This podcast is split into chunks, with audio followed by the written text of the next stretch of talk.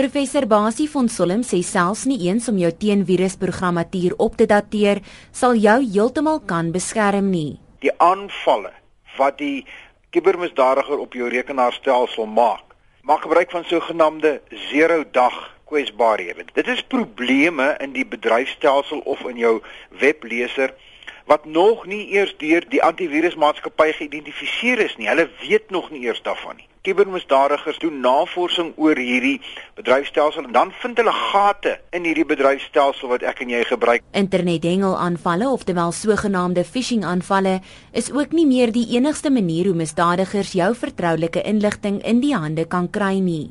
Jou aanvalle word al meer en meer gesofistikeerd gebaseer deur webwerwe te infekteer. Heeltemal wettige webwerwe wat jy besoek.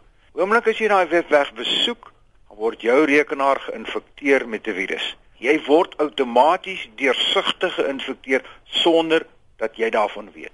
Ek sê dit kategories. Dit is nie meer moontlik vir my en vir jou en die klein en medium sakeonderneming wat nie die ekspertise en die kundigheid het nie. Dit is net nie meer moontlik om om te verwag van my en jou om onsself te beskerm teen hierdie aanvalle nie. Fons Solom sê internetbankwese hoef egter nie by die deur uitgegooi te word nie. Iemand kraak ons ons internetbankrekening en dan deur middel van 'n een eenmalige betaling of deur die skep van 'n nuwe begunstigde vat hy die geld uit. Skep dan vir jou twee internetbankrekeninge.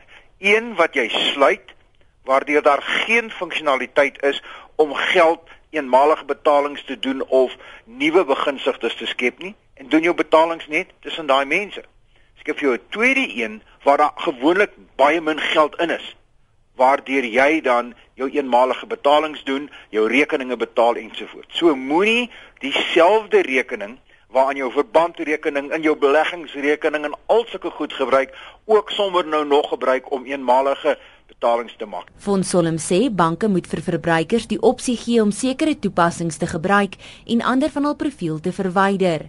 Hy sê verder dat verbruikers diensverskaffers moet vasvat. Die bank of die verskaffer sê ek het 'n produk wat ek aan jou verskaf en hy moet seker maak dat daai produk veilig by jou afgelewer word anders moet hy verantwoordelikheid aanvaar. Ek dink persoonlik dat die bank moet 'n groter verantwoordelikheid hê ten opsigte van hierdie subkontrakteur en aanhalingstekens, naamlik die selfoonmaatskappy wat hulle gebruik. Ek en jy het nie gesê hulle moet hom gebruik nie. Hulle het daai tegniek ontwikkel, hulle het daai proses ontwikkel. So hulle moet seker maak dat daai been veilig is. Intussen vertel die hoofbestuurder van die kommersiële misdaadafdeling by die Suid-Afrikaanse Bank Risiko Inligtingseentrum, Susan Potgieter, dat die verantwoordelikheid nie net op een party se skouers rus nie. Die realiteit is dat misdaadtendense volg besigheidstendense en ook tegnologiese verwikkelinge. Wanneer enige persoon kies om 'n sekere bankproduk te gebruik. Dink ek is dit baie baie belangrik uh laat 'n mens besef wat is die risiko's van 'n misdaadperspektief af. Natuurlik is dit die bankwese se verantwoordelikheid om die produk so veilig as moontlik te maak. Potgieter vertel daar is produkte wat gratis beskikbaar is wat 'n mate van sekuriteit vir jou rekenaar kan bied.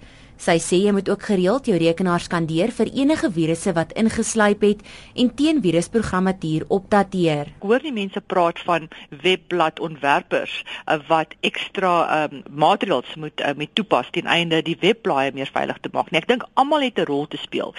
Die bank die verbruiker, die mense wat die webblaaie ontwerp en natuurlik dan um, moet ons dit ons besigheid maak teen einde te weet wat die nuutste tegnologie is.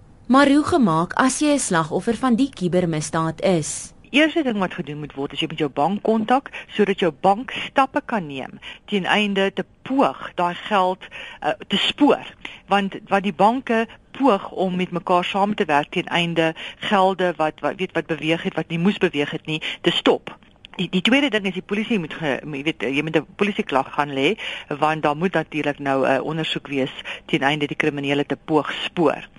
Wat betref die uh, verantwoordelikheid vir die verlies, wat, uh, wat moet gebeur is elke insident moet ondersoek word en op sy eie meriete nagekyk word. En in my ondervinding, as daar nie nalatigheid was aan die kant van die verbruiker nie, betaal die banke gewoonlik. As jy nie tevrede is met die uh die bevinding van die bank nie nadat 'n ondersoek plaasgevind het nie, kan jy altyd 'n brief kry van die bank waar die bank sê vir hierdie redes voel ons ons is nie aanspreeklik nie en dan kan jy daardie brief vat en jy kan na die na die ombudsman vir bankwese toe gaan en hulle sal dan 'n onafhanklike ondersoek doen. Dit was die hoofbestuurder van die kommersiële misdaad afdeling by die Suid-Afrikaanse Bank Risiko Inligting Sentrum Susan Potgieter. Ek is Melissa Tuggie in Johannesburg.